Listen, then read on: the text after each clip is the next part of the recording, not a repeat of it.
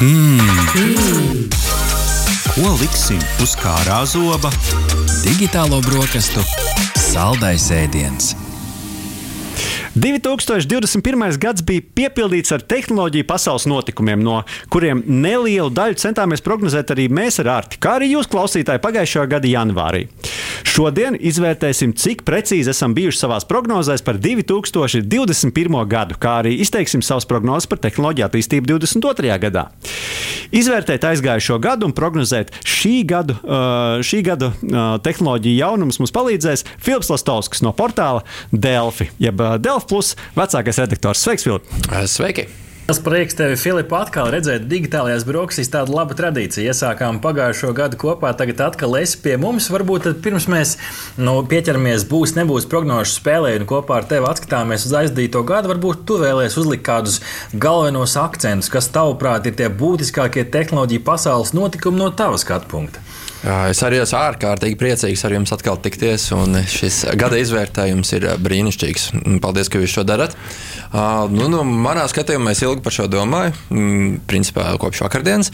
Un, Es savā top trīniekā liktu tādus notikumus. Viņi, protams, ir ārkārtīgi subjektīvi, bet top 3 es liktu pusvadītāju krīzi un nepieejamību visā Eiropā. Un ne tikai Eiropā, bet arī ārpus tā, ārpus šīs civilizētās pasaules daļas.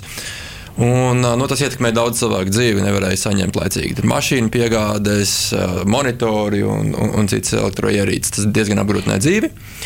Numur divi es liktu div, divās daļās. Ir Facebook nosaukuma maiņa, ko viņi, protams, sevi pozicionē kā tādu nu, virtuāli, līdz ar virtuālās realitātes ambīcijām, bet nu, reāli no malas izskatījās, ka tā ir vienkārši lāpīšanās pēc uh, PR krīžu kaudzes. Taču šis sociālo mediju punkts bija svarīgs. Kas vēl bija svarīgs tieši ar sociālajiem medijiem, ka Facebook un Twitter gada sākumā beidzot uzdrošinājās uz ilgāku laiku nobanot Donaldu Trumpu pēc tam, kad viņš milzīgai auditorijai turpināja izplatīt viltus ziņas un absolūtu dezinformāciju. Tur bija tas viss tās stāsts par viltotajām vēlēšanām, kā viņš to apgalvoja. Un, nu, viņi beidzot saņēmās. Tas, man liekas, īstenībā iedeva arī šim precedentu citām um, pasaules valstīm. Kas vēl ir un kā top viens, es laikam liktu vakcīnu efektivitāti, jo nu, tas ir vistiešākais biotehnoloģiju jautājums, kas ir nu, bez tehnoloģijām tas nekas ne, nenotiktu. Mēs pēc šī gada redzam, ka tās valstis, kurās, kurās ir šī augsta vakcinācijas aptvērta, tad tur arī mirstības vai smagās saslimšanas rādītāji ir ievērojami zemāki. Ja var papildināt vienu, vienu papildus jautājumu, tev nu, šī Facebook nosaukuma maina Meta platforms. Mm. Šobrīd, nu, kā tu raugies no sava skatu punkta, skatoties arī uz to PR krīzi, kas viņiem patiešām bija, vai izdevās ar šo aizmālēt acis? Es nezinu, nevaru, manuprāt, vēl to pateikt, jo cilvēki pieņēma, protams, kā mēs varētu nepieņemt. Nu, uzņēmums, privāts uzņēmums maina nosaukumu, nu, viņi maina savu nosaukumu. Tas, vai viņiem būs izdosies nopamatot, kāpēc viņi to darīs, nu, tad tur ir Markam ir jāpiedāvā ļoti skaidrs produkts ar šo virtuālās realitātes pasauli, ko viņš ir iztēlojies, kas neizskatās tik tuvu nākotnē, nevis no viņa perspektīvām. Savukārt tā PR krīžu kaudze ir šobrīd. Un bija arī viss iepriekšējos gados, tagad jau. Jā, nu, tu iezīmē tādu uh, potenciālu Marka Zukerberga apņemšanos uh, nākamajā gadā. Filip, kas ir tava 2022. gada apņemšanās saistībā ar tehnoloģijām? Es uh, gribētu nepārtraukt mācīties tehnoloģijā, tehnoloģiju jomā. Teiksim, tā nebūtu. Nu, ir, mums apkārt mēs zinām, ir šie cilvēki daudz, kur saka, ka tas jau ir. Nu, ko tad es tur vairs? Tas jau tiem jauniešiem ir un visi šie fellow kidiem domā tā lieta. Bet, uh, manuprāt, baigi svarīgi ir nepārtraukt mācīties, un es arī gribētu kā, Es nezinu, vai tas ir apgūt kādu datorprogrammu vai, vai nenobaidīties būt kā tam, kā, kā latviešu mēs teiktu, first adapters, tiem, tiem nu, kā jūs digitālajās brokastīs to tulkojat. Nu, pirmais, agrie, agrie adaptēti. Agrie, agrie lietotāji. Jā. jā, tā kā nu, būt apritē un neizkrist, tas man liekas ir. Es labprāt tur atrastos. 2021. gads uh, ir pagājis, bet mēs savulaik uh, ar Arti uh, šī gada, ne pagājušā gada janvārī uh, veicām savas desmit prognozes. Un, starp citu, jautājumu arī jums, skatītāji. Un tad, nu, lūk, nu ir pienācis lielais izvērtēšanas brīdis, kuram tad ir veicies labāk? Man, Artim vai jums, skatītāji? Nu, to mēs redzēsim uh, spēles beigās, kad iziesim cauri un pārbaudīsim, kas tad no tā, ko mēs prognozējām, ir piepildījies un kas nav piepildījies. Sāksim ar pirmo prognozi, ko mēs izteicām 21. gada beigās. Top 5 sociālo tīklu platformu sarakstā pēc aktīvajiem ikmēneša lietotājiem ielauzīsies kāds topā nēsošs sociālais tīkls. Un uz ko mēs balstījāmies, tad 20. 20. gada oktobrī top 5 bija Facebook, YouTube, WhatsApp, Facebook Messenger un WeChat. Nu, šobrīd, ja mēs paskatāmies uz to, kā mēs prognozējām, tad es kopā ar sekotājiem teicu, ka būs. Šis tops mainīsies. Rihards teica, ka nē, tie lielie karaļi no krēsla nekritīs. Rihards, kāds bija rezultāts? Jā, nu jāatzīst, ka uh, gan sekotāji un klausītāji, gan arī tu esat bijuši, jūs esat bijuši uh, precīzāki par mani. Un uh, pēc uh, visualcapitalist.com uh, veidotā statistikas apkopojuma par aktīvajiem ikmēneša lietotājiem. Top 5 šobrīd ir šāds. Pirmajā vietā Facebook, otrajā vietā YouTube, trešajā vietā WhatsApp, ceturtajā vietā Messenger un piektajā vietā klausītāji. Instagram. Topu iepriekš noslēdz WeChat, kuru nu, Instagram ir apsteidz par diezgan ievērojumu ikmēneša aktīvā lietotāju skaitu. Tālāk, tā kā nu, jums bija taisnība. 62 miljoni izšķīra šo mazo topu. Un, protams, WeChat diezgan liela un iespaidīga platforma, Ķīnas teiktu, galvenā platforma, kur šis viss, kur šis viss notiek. Nu, šeit, kā mēs redzējām, prognožu rezultāti liecina par to, ka sekotāji un es dalījām pa punktiem, Rihard. Tieši tā. 1-0 jūsu labā. Nu, ko, ejam tālāk uz otro ziņu, un tas ir par Covid-19 certifikātiem. Tātad uh, prognoze bija, tiks radīts vienots tehnoloģisks risinājums Eiropas Savienībā, ar kura palīdzību varēs identificēt, vai cilvēks ir vakcinējies pret Covid-19. Nu, tātad tai būtu jābūt kādai īpašai lietotnei, uh, ar kuru varēs pierādīt, ka nu, attiecīgi cilvēks ir vai nav vakcinējies. Nu, lūk, tad uh, sekotāji, jūs teicāt, ka būs ne ļoti pārliecinoši 58% toreiz, bet tomēr uh, ticējāt tam, ka Eiropa var vienoties. Arī Ārtis bija optimistisks par Eiropas spēja sadarboties, bet redz, kā es biju tas skeptiķis, kurš teica, nu, jā, nu, varbūt daļa Eiropas valstu, bet nu, ne jau visas, ņemot vērā visu to situāciju. Bet nu, kā tad, kā tad Arti bija?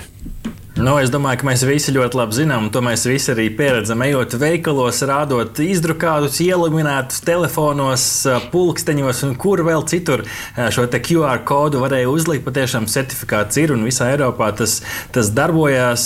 Filip, kā tu vērtē šo certifikātu ieviešanu? Manuprāt, diezgan, diezgan ātri, līdzīgi tāpat kā ar vakcīnu, spēja samobilizēties. Ne jau pagājušā gada sākums mums šāds certifikāts vēl nebija. Es šķiet, pat redītā šķiet redzēt redzēju kaut kur, ka bija pat cilvēks uztetovējis kaut kur sev virsū šo certifikātu. Bet tā, man liekas, ka ir diezgan tāds mobils šīs iespējas ar to certifikātu. Ir, tur, tur, tā, tā daļa ir aizgājusi raiti, manuprāt.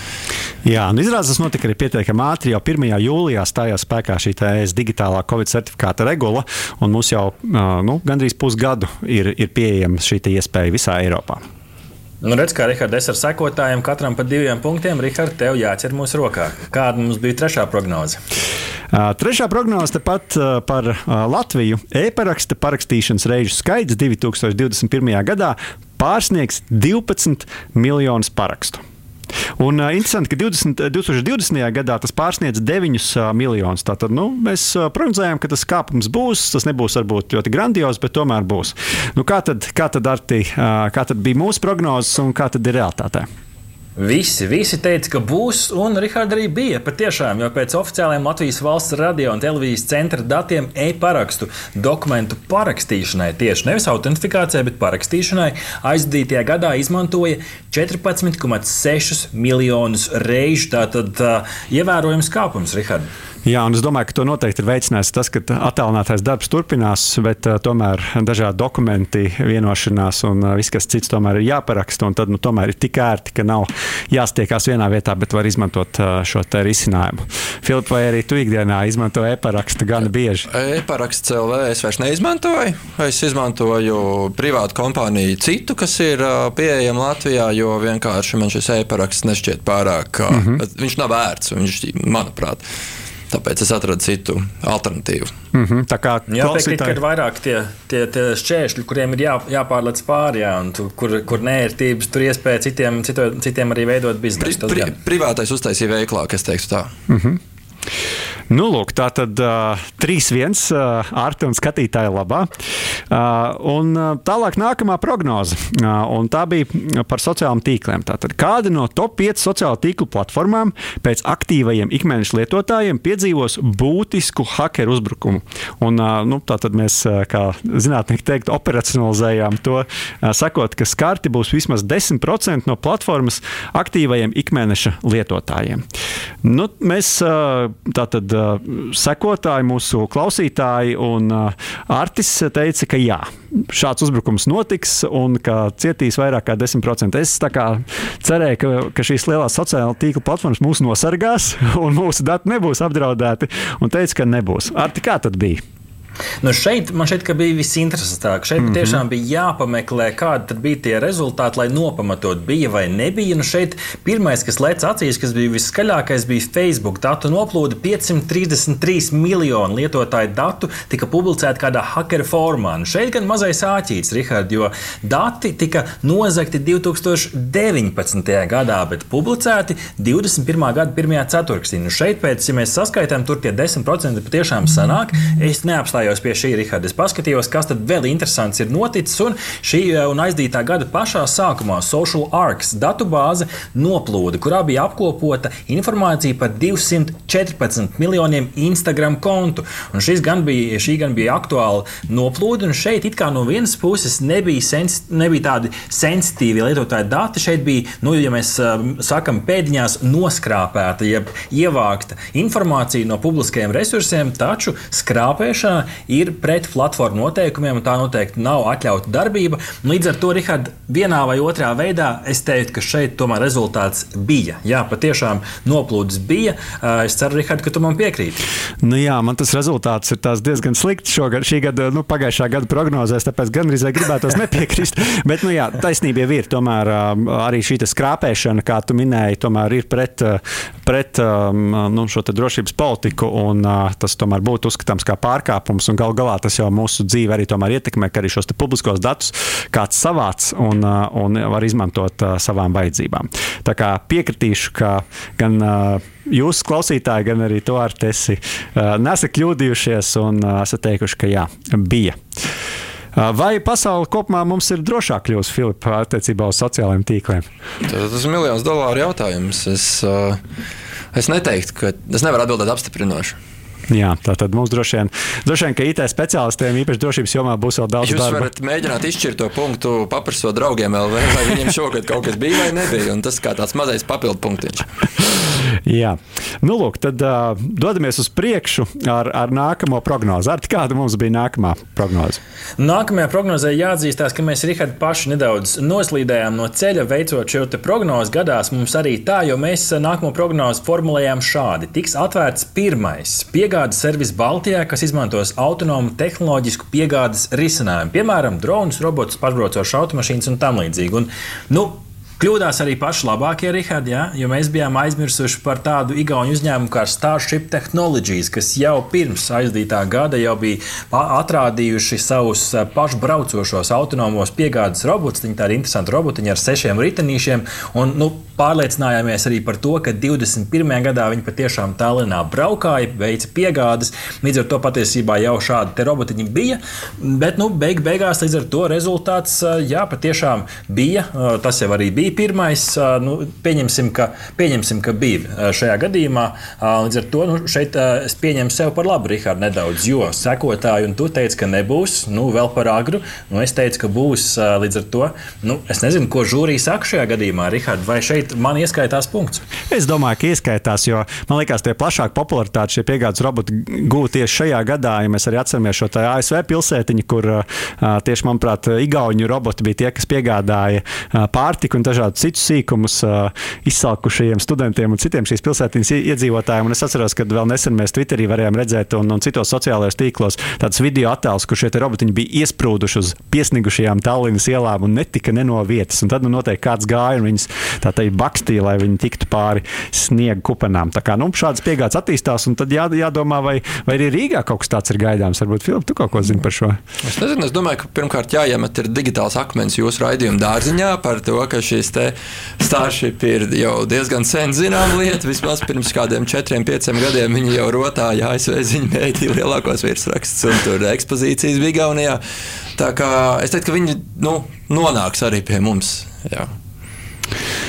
Jā, nākamā prognoze sestā Facebook piedāvās balīdzes virtuālajā realitātē, tā skaitā Latvijā. Nu, jūs klausītāji teicāt, ka būs, Arts teica, ka būs, un arī es teicu, ka būs uh, tāds balīdzes.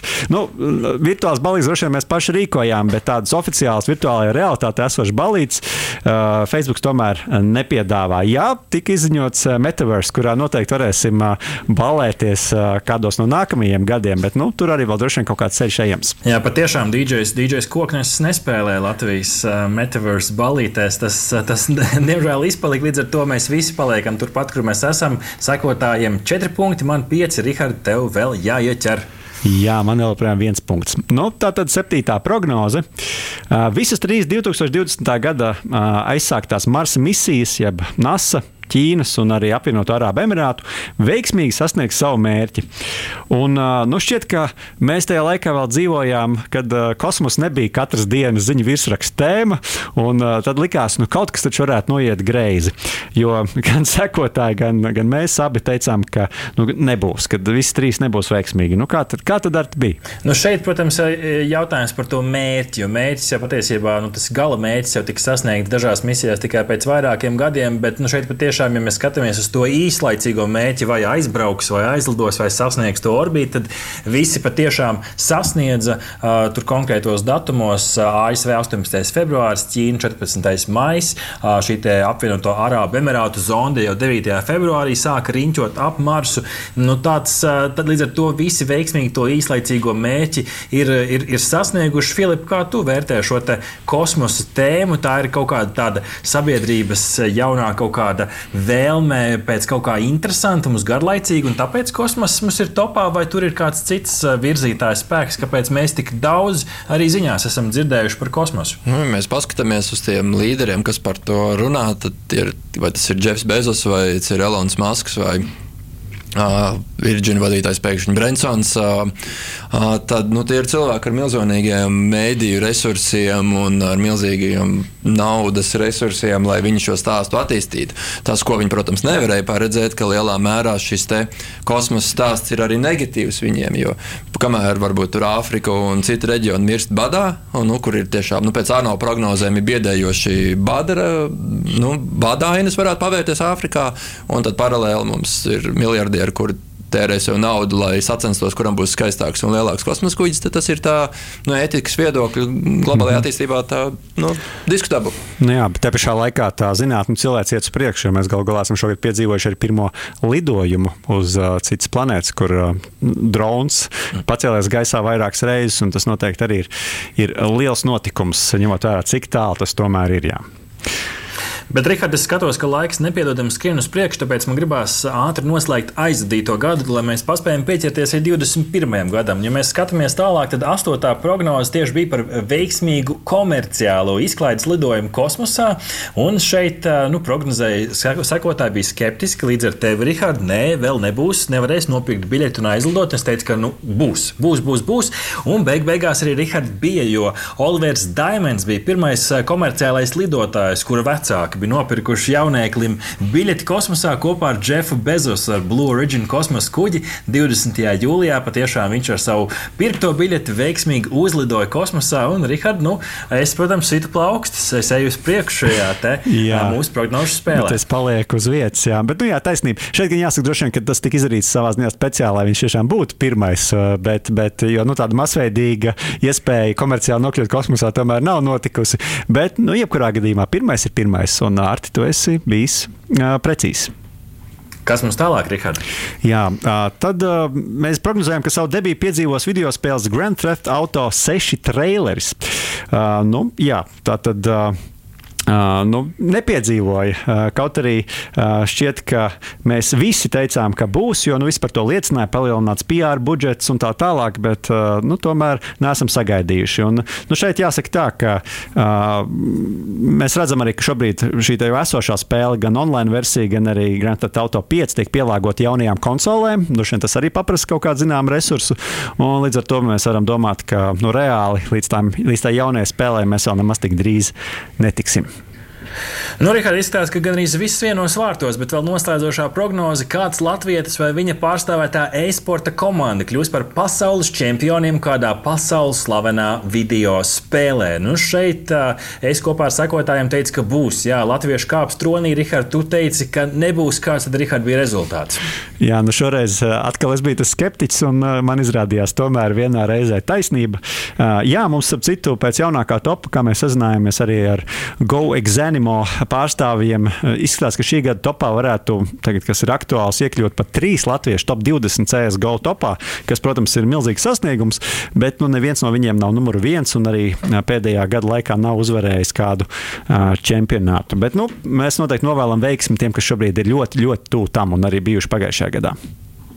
Nu, Rihards, piedošana, bet nu, tev ir bronza, trešā vieta, trešā vieta ar diviem punktiem, otrā vietā sekotāji, četras pareizas atbildes. Un Rihards nu, pats šo spēli izveidoja, pats tajā arī uzvarēja. Līdz ar to es plūcu laurus, bet nekavēsimies pagātnē. Rihards, 22. gada spēle. Jā, klausītāji, turpinām ar eh, šī gada prognozēm un nu, mēģināsim atkal savu laimi. Un, nu, te noteikti arī mēs prasīsim viedokli mūsu šīs dienas ekspertam Filipam Ustalskim no uh, Delfi. Tātad uh, sāksim ar pirmo prognozi. Uh, Džeimsa Veba teleskops veiksmīgi līdz galam kosmosā uzsāka savu operacionālo darbību. Un te ir, protams, jāpasaka tas, ka nu, vēl ir diezgan daudz soļu, kā jau mēs šodien ziņās stāstījām, līdz brīdim, kamēr nu, tas tiešām nosūtīs savu pirmo bildi uh, uz Zemi. Tas varētu būt pat 5 mēnešu attālumā attālumā no šī brīža, nu, te pašā laikā mēs jau dzirdējām, ka tam smagākajam uh, brīdim esam pāri. Nu, kādas tad ir uh, jūsu, jūsu prognozes? Artur, sāksim ar tevi. Ar mani nu es teikšu, ka izdosies. Ja tas smagākais posms ir garām, es teikšu, ka būs. Filip, kā tev šķiet? Jā, es arī lasīju, ka viss sarežģītākais ir garām, un vasarā vajadzētu, vasarā vajadzētu būt pirmajiem raidījumiem. Jā, un es domāju, arī pēc tik garas neveiksmes sērijas un tik lielas nu, teikt, ieguldītā laika, lai tiešām nekas nenoietu greizi, es arī būšu kopā ar jums savā prognozē un teikšu, ka, ka jā, izdosies. Un mēs saņemsim pirmo skaisto bildi jau iespējams pēc pieciem mēnešiem. Rihards, redzu, ka stratēģija mainās. Ja visiem punkts, tad tev arī. Labs ir, skatāmies, kas ir mūsu otrā, otrā prognoze. Un tas joprojām ir daļai saistīts ar kosmosu. Starlink internets Latvijā būs pieejams un strādājošs Starlink satelītu internets.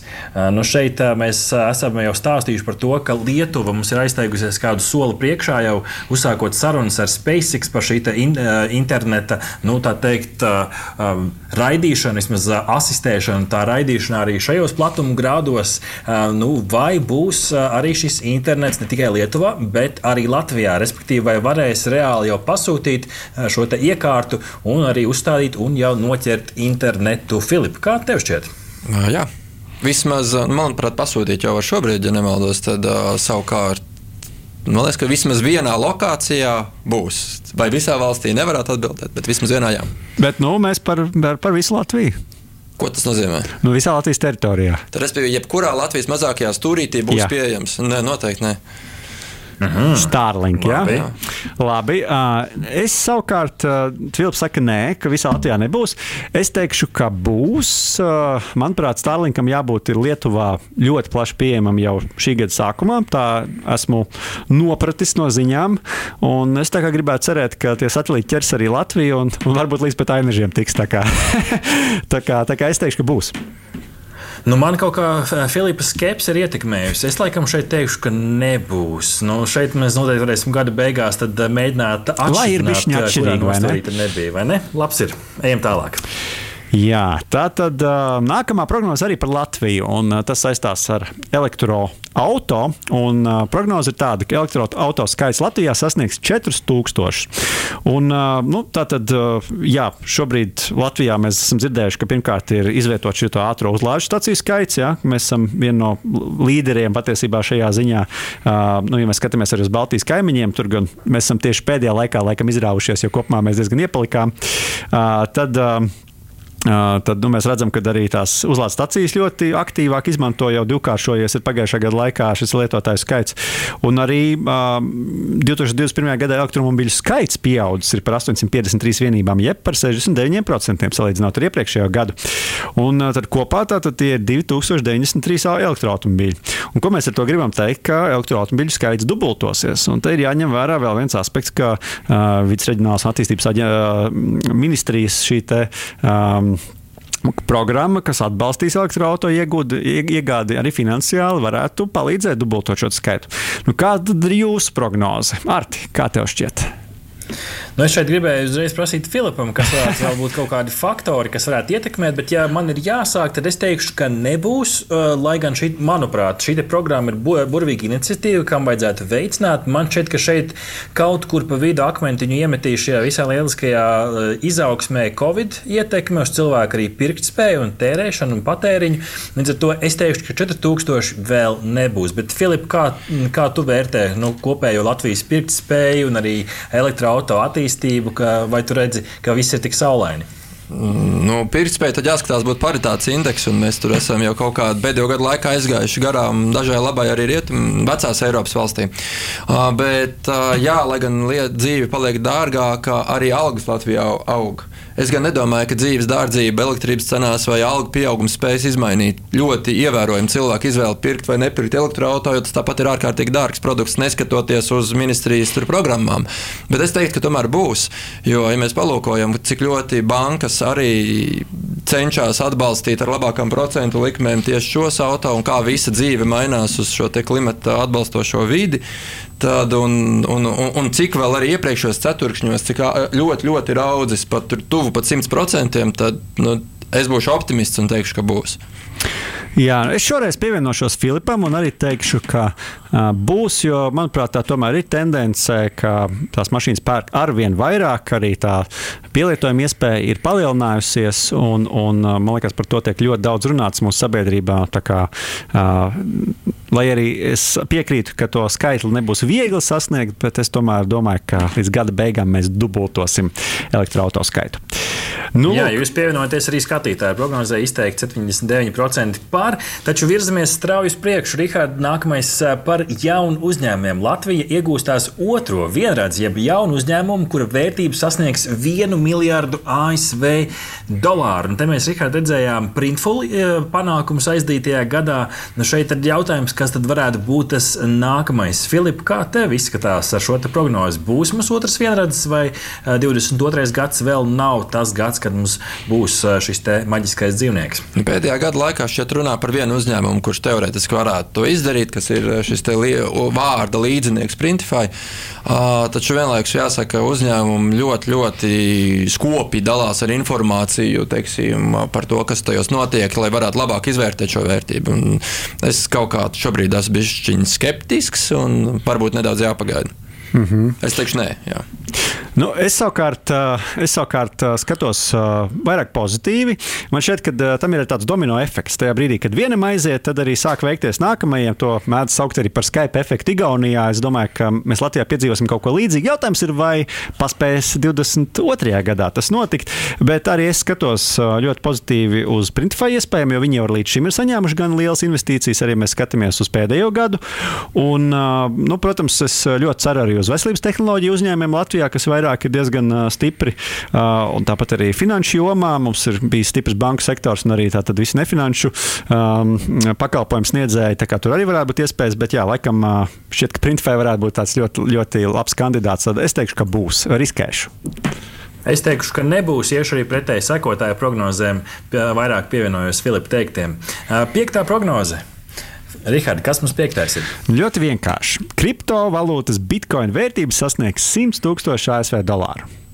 Nu, Tagad būtu būtiski norādīt, ka uh, līdz uh, šim, uh, tātad 2021. gadā, lielākā vērtība bija 68,000 dolāru. Nu, optimisms uh, bagātinās maciņus, Rihards. Uh, jauns teiciens no manas puses. Es teikšu, ka būs. Uh, Rihards, kāda ir tava prognoze? Es teikšu, ka nebūs, lai arī izaugsme noteikti gada beigās tā būs. Es tā prognozētu, ka tā būs lielāka. Šo, šis noteikti nav finanšu padoms. Jā, neviens lūdzu, neņemiet to nopietni. Es neesmu analītiķis, bet man šķiet, ka tas nebūs, bet, bet 100 tūkstoši netiks sasniegti. Filip, ko tu saki? Nu, es teiktu, ka nu, atslēga jau ir tajā, ka tā nav nekāda valūta. Tas ir, tie ir kriptoaktīvi un uh, tie aktīvi, tā izcelsme, manā subjektīvā skatījumā, ir stipri līdzīga kaut kādai poncijas schēmai, kurai vienā brīdī ir jābrūk. Un, uh, līdz ar to es esmu skeptisks šajā, un es teikšu, ka tur viss ies uz slikto pusi un nekas nebūs. Vai arī, ja ies uz labo pusi, tad sabruks vēlāk, bet nu, es teikšu, ka jau nākamgad nebūs. Sastāvā prognoze 22. gada nogalē varētu sasniegt 4000 mikro ģeneratorus, 4000 uzstādīti mikroģeneratori, kuru kopējā ražošanas jauda tosies 30 MWh. Šeit mēs ar Rihardu pakonsultējāmies arī pie mūsu aizdītā gada raidījuma viesiem, pie sadalas tīkla, kur arī mums iedeva fona informāciju šim, ka līdz šim ir 2150 mikroģeneratori ar tādu diezgan strauju augšup ejošu tendenci un arī šī jauda 30 MWh līdz ar šo straujo izaugsmi varētu būt reāla prognoze. To mums piespēlē arī sadalījums tīkls, prognozēja, ka jā, varētu būt.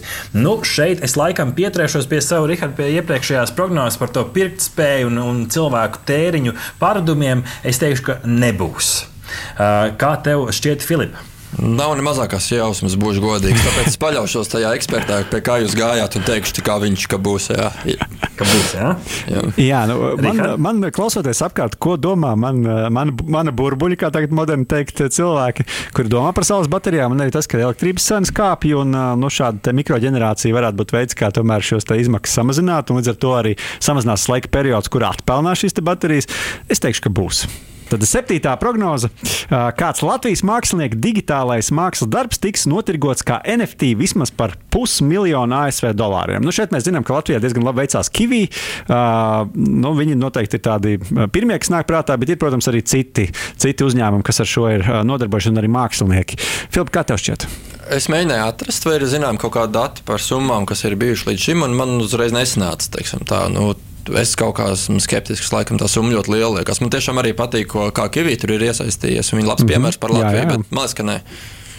Ar tikko tu saki? Jā, es, es teikšu, ka nebūs. Es pievienošos Filipam, lai gan mākslas darbi ir skaisti, tā summa ir liela. Jā, nu, es arī, kungi, jums pievienojos un teikšu, ka nē, lai kā es ticētu Latvijas mākslā, tomēr, tomēr šķiet, ka nē. Nu, turpinām. Astotā prognoze. 2022. gadā tiks izziņot kāda pasaules mēroga video spēle, kur iegādāsies vismaz 7 miljonus, 7 miljonus reižu. Arti, ko tu saki? Tu esi liels spēļu fans. Es, jā, es, es teikšu, ka nebūs. Es teikšu, ka nebūs, lai gan, protams, Elden Rings un Starfields, vismaz šie traileri man visvairāk ir iekrituši acīs. Es teikšu, ka šogad tā tāds liels grants nebūs. Būs daudz mazas, labas spēles, bet 7, 7 miljoni ir diezgan daudz. Uh, Filip, kā tev izskatās? Nu, tajā brīdī, kad Harry Potter spēle aizies pār 7 miljoniem, tad ļoti būs bēdīgs. Tāpēc es teikšu, ka gan viņiem, gan Playstation šķiet um, God of War, viņiem, tai, viņa frančīzai varētu būt potenciāls. Es, es, es teikšu, ka būs. Jā, jā nu piekrītu. Arī, arī, arī es teikšu, ka būs, tāpēc, ka man liekas, ļoti daudz gaida Starfield, jo tas ražotājs ir tas pats, man liekas, Bethesda. Tie, kas arī Elder Scrolls taisa, ļoti, ļoti daudz gaida šo spēli. Un tāpat, protams, arī šis Elden Ring. Nu, un, un, un tāpat jau arī Filipa pieminētais God of War. Viņš iznāks gada sākumā, ja es pareizi saprotu. Un tad, tad tur varētu būt iespēja to 7 miljonus savākt. Kas to zina? Tad jau redzēsim. Un devītā kategorija mums prognožu spēlē plašam patērijam pasaulē būs pieejami vertikāli atlokāmi vietāluņi cenu kategorijā zem 1000 eiro. Par šo prognozi mēs sakam paldies mūsu jau vairāk kārtējiem viesim Laurim Consumer aboliņam, Consumer YouTube kanāls, kas arī mums kopā pasniedza balvas aizdītā gada labākiem vietāluņiem. Lauris prognozē, ka nu, šajā maģiskajā 1000 eiro kategorijā šis vietālunis, kas atlokās vertikāli kā grāmata, ielauz izgāzīsies. Uh, Rihard, kā tev šķiet? Būs vai nebūs? Es arī piekritīšu Laurim, jo šobrīd jau uh, nu, uh, šis te, uh, uh, horizontāls alokāmais telefons jau bija ļoti tūtam, un es gribētu teikt, ka nākamajā gadā būtu jānotiek uh, arī šim pavērsienam, un kād, kāds, no, kāds no ražotājiem piedāvās arī zem 1000 eiro šādu telefonu. Ja es domāju, ka viņi būs mantrausīgi un, un, un nebūs. Filip, kā tev šķiet? Ja runa ir par jebkuru zīmolu pasaulē, Protams. ja? Tad būs. Jā, bet viņam jābūt pieejamam Latvijā, nu tādā normālā veidā. Gaidiet, tad, tad es nevaru pasūtīt no AliExpress. Negluži jā. Tad nebūs. Tad, ja, ja Latvijā jābūt nopērkamam, tad nē. Un visbeidzot, desmitais jautājums Filip. Tava iespēja piespēlēt mums kādu jautājumu, kādu prognozi, kāds ir tavs apgalvojums par šo gadu? Vai Latvijā 2022. gadā kāds mēdījis ieviesīs abo, abonentu maksu, jeb tā saucamo paywall. Tāds, kuram tā līdz šim nav bijusi, un kurš 2022. gadā par to paziņos, ka mēs arī ejam aiz atslēgas. Mm -hmm. Ar daļu vai visu saturu tas nav būtiski. Es nesen ieskatījos avīžu stendos, ar vien mazāk ieraudzīju avīzes. Man šķiet, ka mēdījiem vajag naudu, es teikšu, ka būs. Filips, varbūt tur nokomentēt, kuriem mēdījiem šobrīd ir šāds uh, pieejams Latvijā? Nu, saldu zeme, piemēram, ja, no manas uh, dzimtās puses, bet, uh, nu, protams, par, tur, kur es pats strādāju, portālā Delfi, arī TVNetam ir, un arī izdevniecībai Santa ir. Un, mm -hmm. Tā kā šādi tie ir tie lielākie spēlētāji. Mm -hmm. Bet nu, mums ir dažādi spēlētāji. Jā, nu, es teikšu, ka nebūs lai ir kāds pretējs viedoklis arī. Lai arī, kā jau Arts teica, noteikti, ka interesi par šo varētu būt ņemot vērā, ka tieši, tieši nu, arvien vairāk ir šādi mēdī, kas to izmanto. Filips, kā tev pašam šķiet? Es teikšu, ka būs. Labi, tā tad divi būs un viens nebūs par šo jautājumu. Mm. Nu, tad gada beigās saskaitīsim punktus un redzēsim, kā šis gads ir izvērst, izvērties. Paldies, tev, Filip, ka pievienojies mums šajā rītā gan uz atskatu, gan uz šo prognožu spēli. Tad jau redzēsim, kuram tad tiks tas zelta kausa 23. gada sākumā.